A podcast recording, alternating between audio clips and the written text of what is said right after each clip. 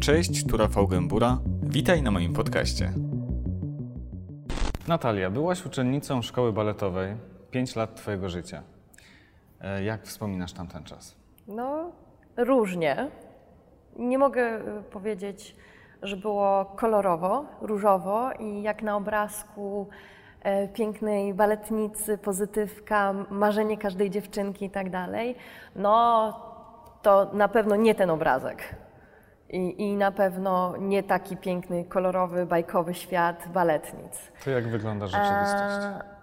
E, Trafiłam do drugiej klasy szkoły baletowej, bo na samym początku mnie nie przyjęto. Zwracając uwagę, że jestem em, jako tam dziewięciolatka czy coś w tym stylu zbyt masywna, jak na balet. Potem mnie, bo ja się bardzo starałam, chciałam, cały czas rodzicom wierciłam dziurę w brzuchu, no to em, załatwili mi egzamin, tak, taki prywatny. I tuż po tym e, prywatnym egzaminie, gdzie ja powiem, już byłam troszeczkę przerażona, przyszłam z zewnątrz i widziałam te wszystkie dziewczynki, które są takie strasznie chude, tak aż niezdrowo. Jest taka jakaś dziwna atmosfera panująca w tej szkole.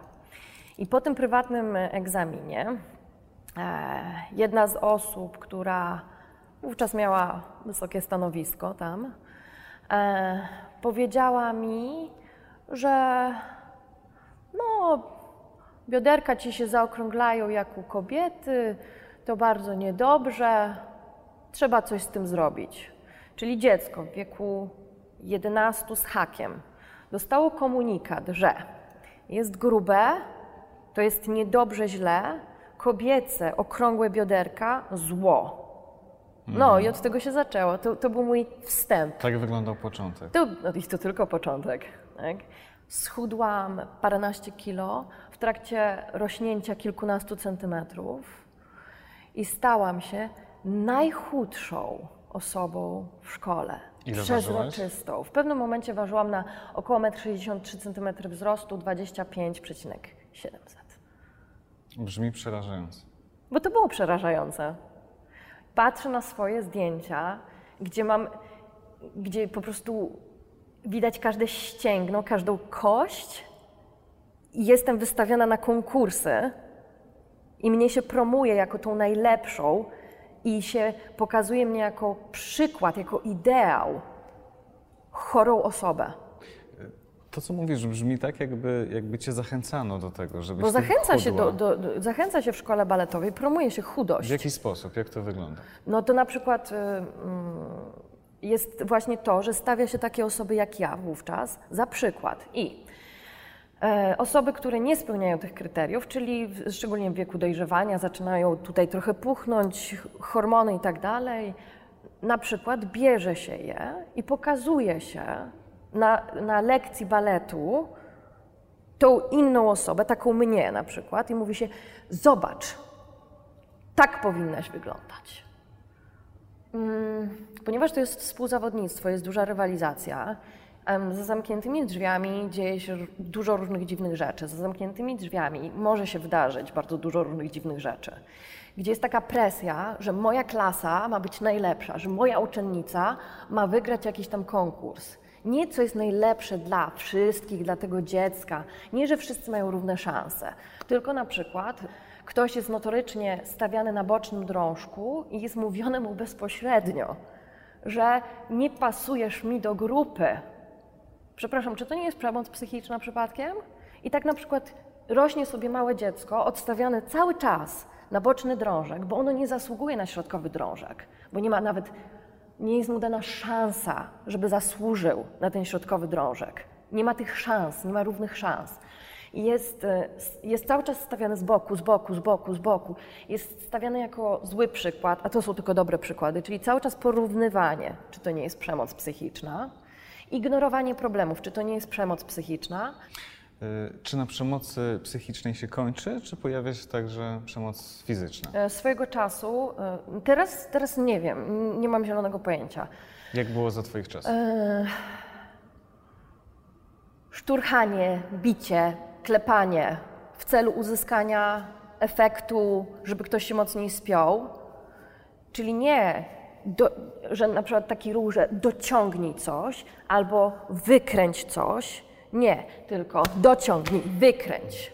Ja byłam świadkiem tego od, od wtedy, kiedy się dostałam. Chodziłam na zajęcia i patrzyłam na łzy.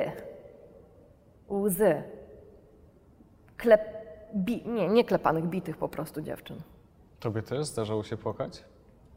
Oczywiście, że zdarzało mi się płakać, bo widziałam to, co widziałam. Byłam dzieckiem. Byłam dzieckiem. Ja nie byłam świadoma, ja nie wiedziałam, jak się bronić. Jak to wpływa na dziecko, na nastolatkę? Te komentarze, ta krytyka nieustająca.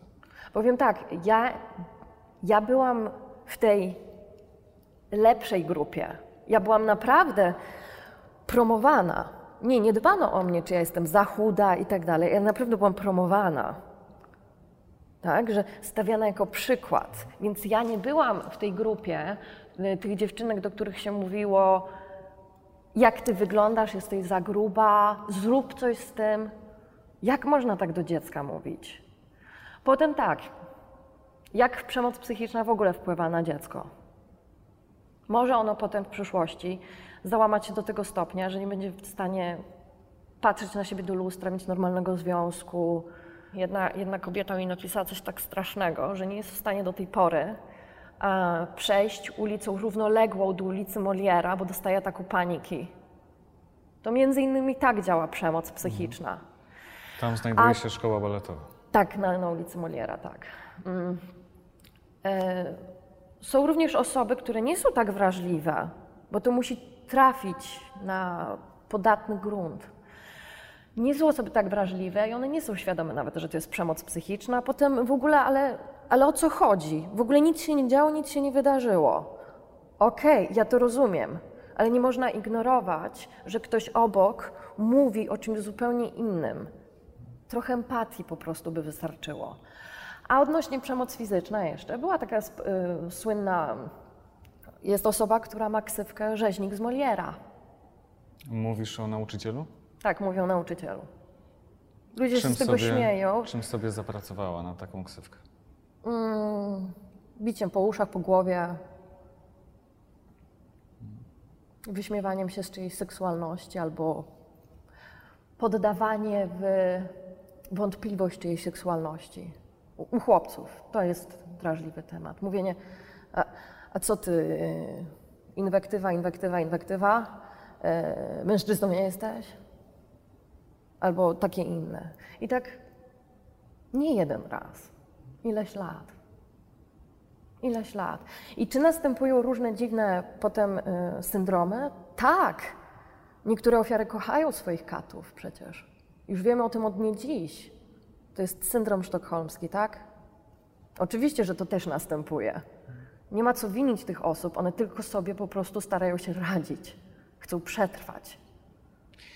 Dlaczego ty, dlaczego twoje koleżanki, y, dlaczego się na to godziłyście? Dlaczego panowało takie przyzwolenie?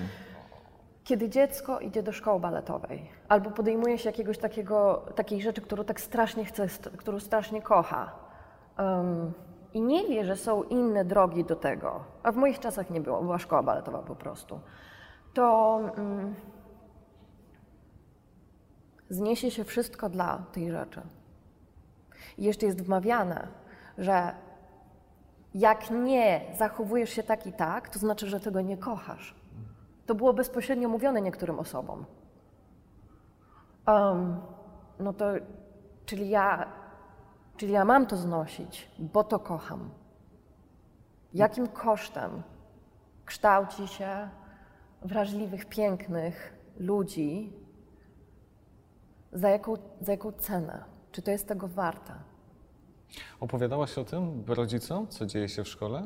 Tak, i y, oni mieli na bieżąco, na bieżąco również kontakt y, ze szkołą baletową, gdzie ym, moi rodzice byli, mieli dobre pozycje społeczne. Inaczej się ich traktowało, naprawdę.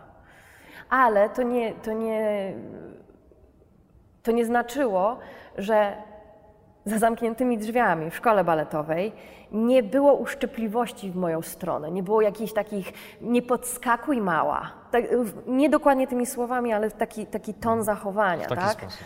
I tak ja mówiłam rodzicom, co się dzieje, szczególnie w kontekście takim, że ja byłam na tyle świadoma i empatyczna, że ja obserwowałam inne dzieci, inne dziewczynki. Nie, nie mogłam nic zrobić. Nie wiedziałam jak, nie, tylko mówiłam o tym, co się dzieje. Um, I kiedy już naprawdę było źle, kiedy ja już naprawdę nie, nie mogłam znieść presji psychicznej, tego obrzydliwego traktowania innych i tak dalej, kiedy ja już naprawdę często płakałam, e, omówmy się, w dzieciństwie nie powinno się płakać w ogóle tak naprawdę. Mm, a już nie z powodów takich, że koleżance obok mówi się, że ma za grube uda i powinna sobie obfoliować je folią śniadaniową, żeby wypatać tą tkankę tłuszczową obrzydliwą. Kiedy już było naprawdę źle, rodzice podjęli decyzję o tym, że zabierają mnie z tej szkoły baletowej i um, ponieważ ja nie mogli mi zabrać baletu i dobrze o tym wiedzieli, ja, ja, ja za bardzo to kochałam, bo balet sam w sobie jest piękny. To ludzie zrobili z tego coś strasznego. I chcieli mnie zabrać do, przenieść do szkoły baletowej w Łodzi, gdzie mm, dyrektorka była znajoma i wiedzieli, że bym się, by się mną zajęła. Ale na szczęście stało się jeszcze inaczej. Ja e, dostając się do finału bardzo prestiżowego konkursu baletowego Prix de Lausanne, dostałam ofertę iluś tam stypendiów i wybrałam Hamburg. No i dlaczego mówię na szczęście? Tak się stało, bo ja trafiłam do świata baletu na zachodzie Który wygląda gdzie zaczęłam inaczej. się uczyć, że balet może być inny.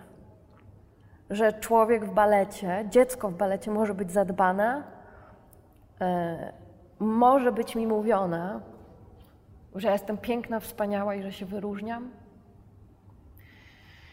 Em, a nie, że jestem niewystarczająca, zawsze albo za gruba, albo za chuda, mam zbyt odstające uszy.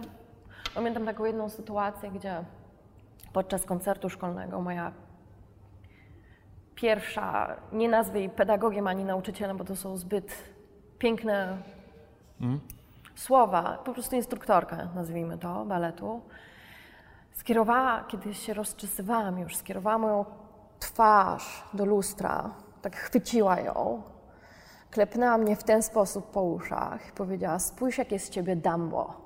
Coś by trzeba było zrobić z tymi twoimi odstającymi uszkami. Zobacz jaka twoja koleżanka jest ładniutka. Ciężko się tego słucha. Ciężko się o tym mówi. To jest przemoc psychiczna. Potem rośnie się w nienawiści. Ja bardzo długo się z tym borykałam. Byłam osobą, ja nazywam siebie cykaczem. Na siebie cykałam, na innych cykałam, bo przemoc i nienawiść było jedyne, co znałam. Byłam na tym wychowana od dziecka. Na tym, że jestem w skrócie brzydka, niewystarczająca, gruba, taka, siaka, owaka, potem obrzydliwie chuda, gdzie nie oferowano mi pomocy, zaplecza psychologicznego, nic. Tak, można się zapytać w tym momencie, gdzie byli moi rodzice. To inny temat. To jest osobny temat.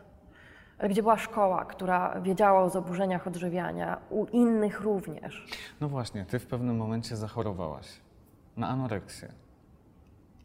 No to nie jest w pewnym momencie, to, to jest coś takiego, co po prostu trwało od, 11, od wtedy, kiedy usłyszałam, że jestem za gruba.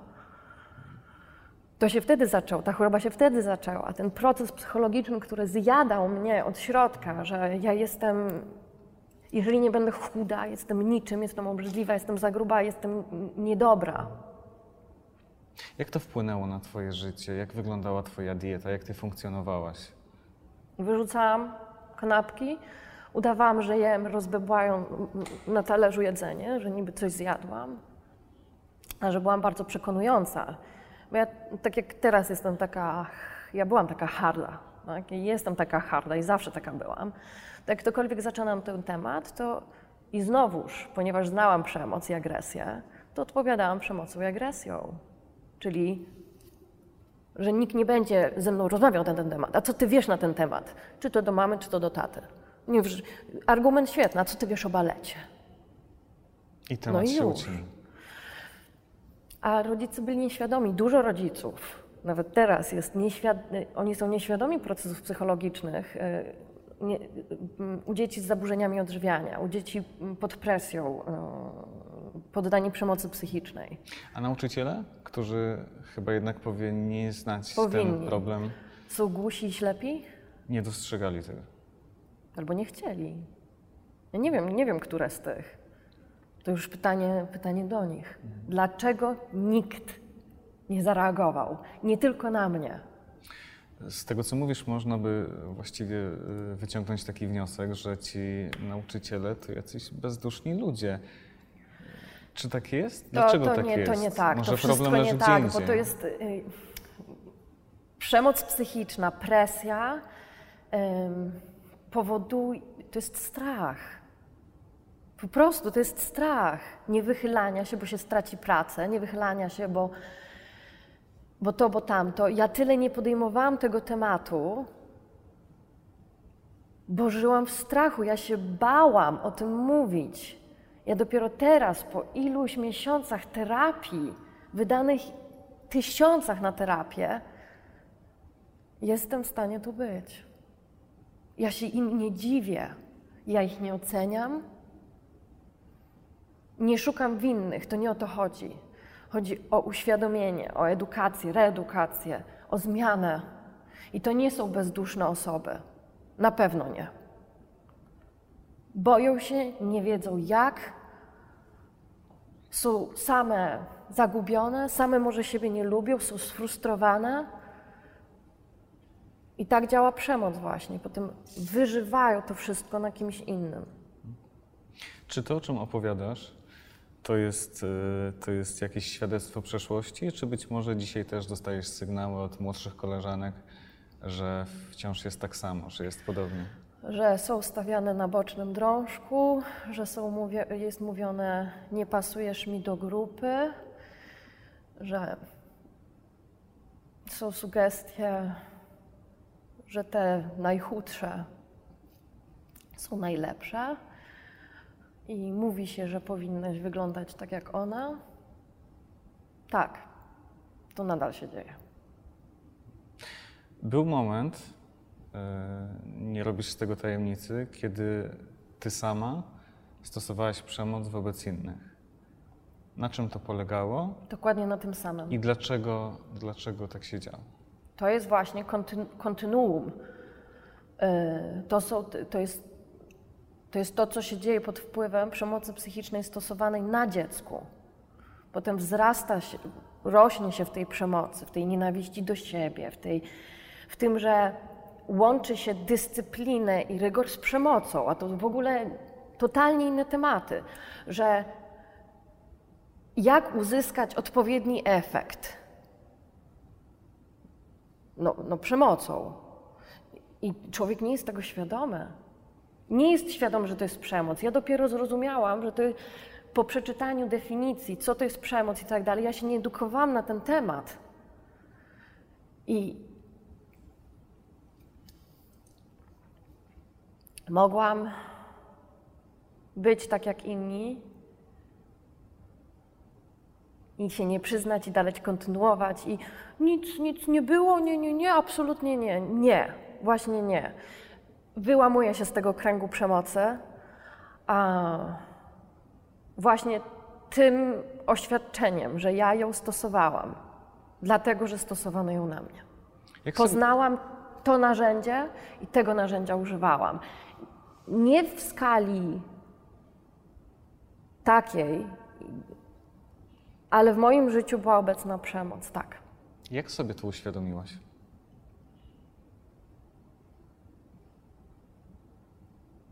Ponieważ temat przemocy jest w moim życiu eh, obecny od bardzo dawna. Jest on dla mnie trudny, ważny. Ja również wstępowałam w przemocowe związki. Y, I kiedy był taki moment, w którym potrzebowałam takiego ob- obuchem dostać po prostu. W związku, w którym byłam, nagle zobaczyłam przed swoimi oczami człowieka z zaciśniętymi pięściami i twarzą, który prawie mnie pobił. Zorientowałam się, że coś jest ze mną nie tak, że ja na to pozwalam, że do tego stopnia na to pozwalałam i zaczęłam się edukować na temat przemocy, i wtedy się zaczęło.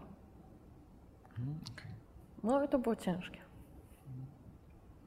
Ale powiem tak, im więcej osób, takich jak ja, przyzna się przed samymi sobą do tego, że, że nie jest ok, zaczną się zmieniać, edukować, leczyć i staną się zupełnie innymi ludźmi, ty- tym lepiej. Właśnie o to chodzi.